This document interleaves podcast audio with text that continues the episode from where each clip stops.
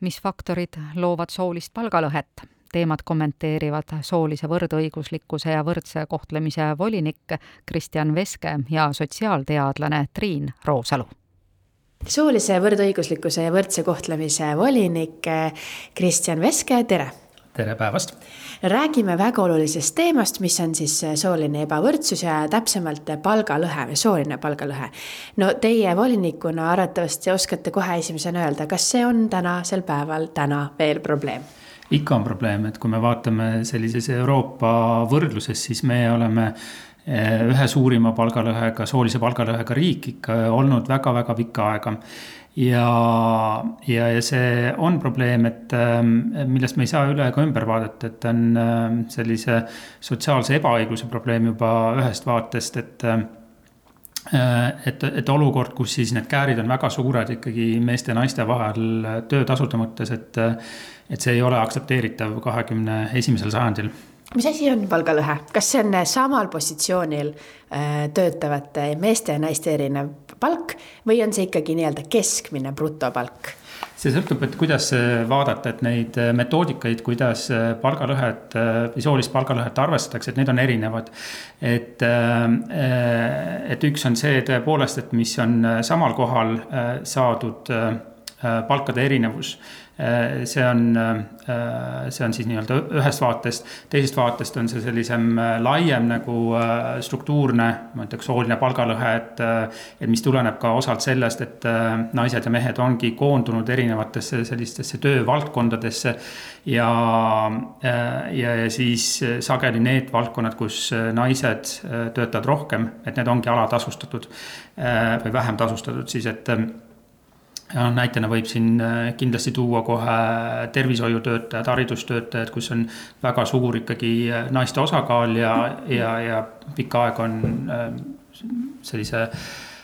palkade küsimus on seal nendes sektorites olnud väga suur ehk siis üks meetod võrrelda ongi võtta arstid, õpetajad sinna kõrvale, insenerid ja näiteks infotehnoloogid, kelle osakaal just, meeste osakaal on suurem ja võtta seal siis need erinevad nii-öelda brutopalgad. jah, et see näitab meile nagu sellist üleüldist olukorda, et see iseenesest ka kirjeldab meile tõepoolest seda, et kuidas kuidas see tööturg üldse jaotunud on, et, et kui naised ja mehed on koondunud era, erinevatesse sektoritesse, et, et siis siis noh, see avaldubki just nimelt ka selles, et, äh, et mõned sektorid on äh, rohkem või paremini tasustatud kui teised ja need käärid võivad minna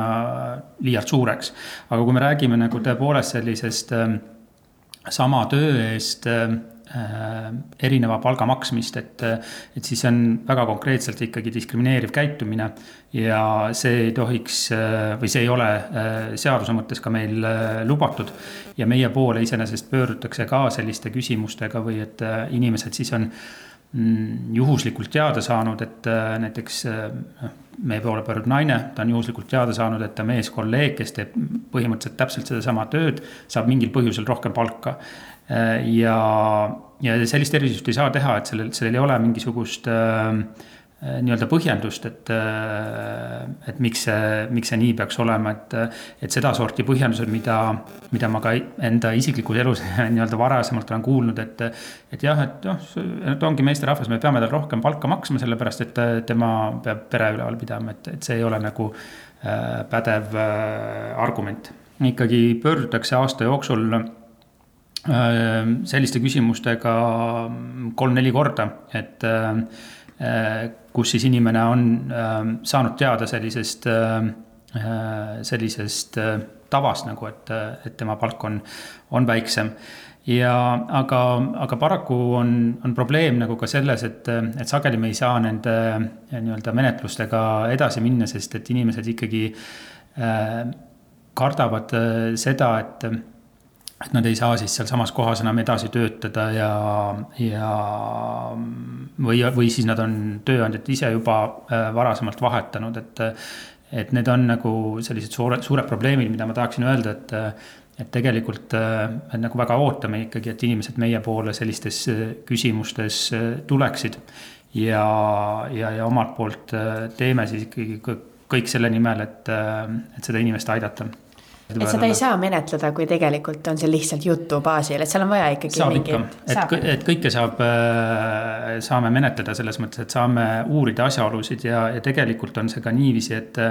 et kui meile juba keegi kirjeldab ära sellise ebavõrdse kohtlemise olukorra, siis on, siis on see nii-öelda selle teise poole ülesanne äh, nagu selgeks teha või et kinnitada, et seda diskrimineerimist ei ole toimunud, et. et, et, et selles mõttes meie, meil on ka see õigus siis, kui me seda menetlust alustame, on küsida tööandjalt selgitusi, et mis põhjusel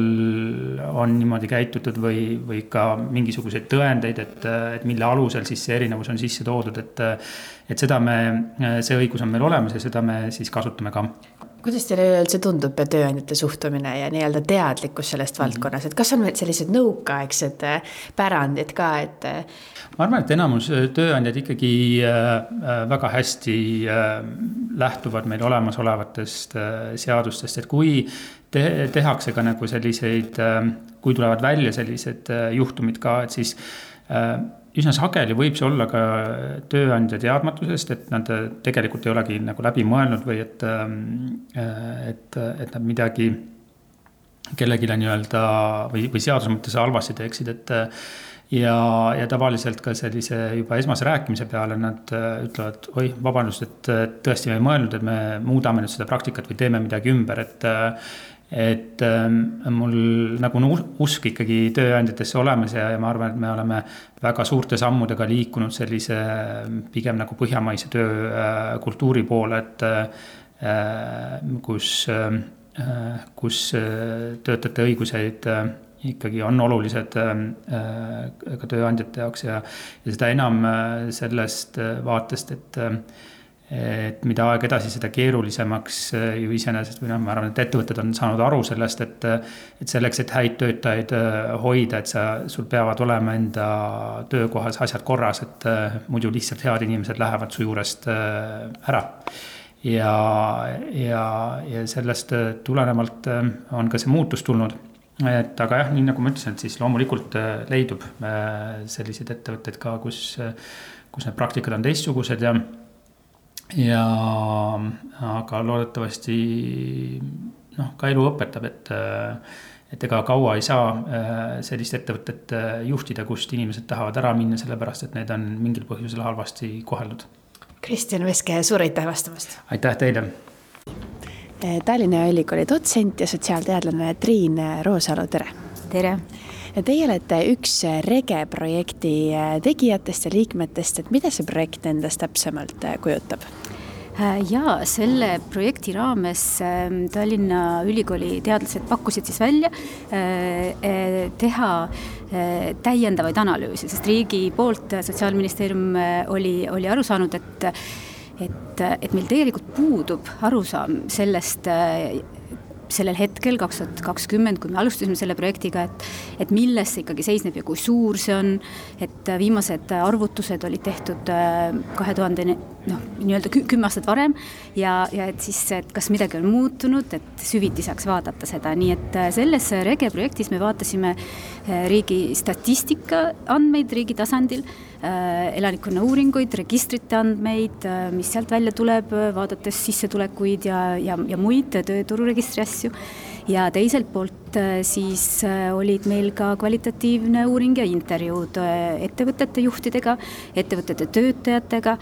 ja, ja kolmanda aspektina siis meil oli selline kogemuslugude kogumine lihtsalt, et äh, veebis inimesed said äh, oma kogemuslugusid jagada, et et need ei olnud siis meil täpselt võimalik seostada konkreetsete ettevõtetega, aga, aga nad said anonüümsemalt ja võib-olla siis rohkem kriitilisemalt ka väljendada, et, äh, et noh, et kui, kui, kui me ettevõtte kaudu läksime ja inimeste kontaktid saime, siis nad olid ikkagi väga lojaalsed ja arvasid, et nende ettevõttes ikka ei saa midagi mhm. halvasti olla. et see siis meil siia kõrvale pani siis selle, selle aspektiga. ja muidugi, mida me Rege raames veel tegime, oli, et katsetasime selliseid uusi võtteid, et et kuidas seda teemat noh, tutvustada paremini, et näiteks selle raames tehti näitus äh, siis Fidelia Roots ja, ja äh, oli temaatiline muusikaetendus, et, et sellised Foorum teatri võtted kasutasime. et, et see oli ka võimalus sellist teavitustööd katsetada uusi, uusi asju. läbi kultuuri. mis sealt projektist siis kõige rohkem selgus, esiteks kaks tuhat kakskümmend kaks aasta seisuga, kui suur see on sooline palgalõhe? mis on tegelikult huvitav, et ta nüüd on natuke eh, Euroopa vaates, kui Eesti oli pidevalt juhtival mm -hmm. positsioonil, meil oli kõige ägedam, kõige suurem palgalõhe, siis nüüd eh, me oleme eh, siis paremuselt teine oma palgalõhe suurusega aga mitte nii hullult, sellepärast et meil on väga palju paremaks läinud, aga lihtsalt Lätil sattus olema natuke halvem nagu hetk, et, et seal sellesama koroonakriisi ja kõikide nende raskustega seoses, et et, et aga mis, mis me oleme noh, mis, mis me veel näeme, on see, et Eestis äh, on küll palgalõhe vähenenud, kui, kui seda hakati mõõtma ikkagi nagu nüüd tükk aega tagasi, et siis äh, ta oli kolmekümne protsendi peal, nüüd ta on ikkagi kahekümne protsendi peal, sealt alla kahtekümmet protsenti. Et, ähm, et, et meil on kindlasti praegu vähenemise suunal, ma arvan, on see palgalõhe. Et äh, aga, aga noh, natuke hirmutab see, et teiste, teised riigid, kes siis, ähm, kes siis on püsinud stabiilselt ütleme, et kui meil on seal praegu niisugune kahekümne protsendi ringis erinevatel aastatel ja erinevate mõõdikute järgi natuke erinevalt, et siis, siis on, on märgata, et mõned riigid, kus siis on jõutud nagu näiteks viieteistkümne protsendi tasandil, et et, et nad, et seal tekib mingi stagnatsioon, ehk siis äh, väga vähe on neid, kes on noh, olnud kõrge selle palgalõhega, jõudnud kuidagi palju, palju väiksemaks ja nüüd lähevad veel järjest väiksemaks, et on küll riike, kus on ainult viis protsenti näiteks sooline palgalõhe, aga seal on juba kogu see tööturu struktuur ja, ja naiste osalemine tööturul ka erinev, et kui me just võtame neid riike, kus naised ka väga palju osalevad tööturul, meestega võrdväärselt, et siis, siis seal võib mingisugune selline stagnatsiooni hetk ikkagi tekkida ja siis tekib noh, jälle küsimus, et kuidas sellest üle saada. ja Eestis praegu ma arvan, et me oleme sellest eelmisest stagnatsiooni hetkest natuke edasi liikunud, et noh, et, et me praegu veel ikkagi väheneb see palgalõhe, aga, aga jah, et täpselt ei oska öelda, mis selle, selle stagnatsiooni taga näiteks võiks olla. räägime väga komplekssest süsteemist, mis, mis koosneb eh, tuhandetest eri nii-öelda faktoritest ja variatsioonidest, et eh, mis on need sellised peamised faktorid mm, -hmm. mis saaksite välja tuua, mis mm -hmm. just siis eh, naistes, naiste tööturul seda ebavõrdsust natukene tekitavad mm? -hmm et ähm, mõnes mõttes äh, noh, et hästi lihtsasti öeldaksegi seda, noh, mis ma ka tõin välja, et noh, naised töötavad väiksema koormusega, ma ei tea, mehed töötavad suurema koormusega. seda, seda Eestis ei saa välja tuua, eks ole, et meil naised töötavad sama palju ja nad töötavad täistööajaga kui, kui mehed, see järelikult noh, niimoodi tervikuna naiste puhul ta peaks meil nagu ära langema tegurina, aga kuidagi see tunne, et aa, nende panus on väiksem, see on ikkagi olemas, järelikult meil on selline mingi eelarvamus, et et, et nad töötavad lihtsalt vähem või et naised on tööturult hullult palju eemal, aga noh, nad ei ole, sest et äh, nad lähevad kiiresti tööturule tagasi pärast äh, seda vanemapuhkust, äh, isegi nüüd meil poliitiliste meetmetega on soodustatud ka juba, juba enne, kui see vanemapuhkus läbi saab. et ka seda ei ole, et nad oleks nüüd hullult, kvalifikatsioon halveneb, eks ole, aja jooksul ja siis nad peaksid saama. aga, aga noh, et see on see, see tunne, mis on ja kuna see tunne on, siis, siis meil on ühiskonnas normaalne, eks ole, määrata naistele madalam hind selles mõttes ja nüüd, äh, mis, mis siin veel siis on, võiks ju öelda, et see seostub kuidagi kvalifikatsiooniga aga me teame, et Eestis äh, nagu mitmeteski teistes riikides naistel on tegelikult kõrgem haridustase kes-, keskmiselt, et rohkem naisi on kõrgema haridustasemega kui mehi. Siis võib siin kõrval öelda, et noh, aga neil on vale, valedes kohtades siis haridus. et selles mõttes, et, et, et me saame küll rääkida sellest ähm, horisontaalsest segregatsioonist, mille järgi justkui on lihtne öelda, noh, naised ise valivad ju sinna hooldajaametisse mm -hmm. ja mhm. õpetajaametisse minna, et no mingu siis inseneriks või nagu IT-sse, eks ole, et et siis nad saaksid ju kuidagi paremat palka esiteks ei tööta see juba sellepärast, et kui kõik inimesed läheksid IT-sse, eks ole, ja, ja, ja sellisesse innovatiivsetesse kõrgepalgalistesse ametitesse, siis äh, kes teeks selle teise töö ära, et et kas, kas sinna siis tulevad mehed ja millised mehed, et, et me lihtsalt soolisest palgalõhest lahti saaksime, eks ole, see läheb natuke utoopiaks ja teine asi on see, et me oleme vaadanud äh, ka seal äh, kõrgema palgatasemega sektoris, näiteks äh, noh, panganduses, eks ole, finantsides või ka IT-s. kui siia veel lisada see juurde, et Eestis viimastel aastatel väga palju räägitakse, et noh, et kas meil ikkagi sünnib lapsi ja kui palju neid ikkagi sünnib ja, ja ja, ja tegelikult tööturul me näeme, et on väga selgelt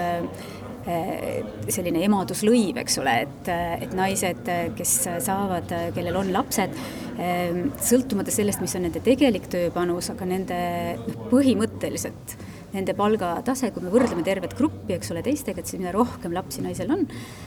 seda grupina, seda väiksem siis nende, nende palk on, palga, palgatase on võrreldes teistega. Triin Roosalu, suur aitäh rääkimast! aitäh!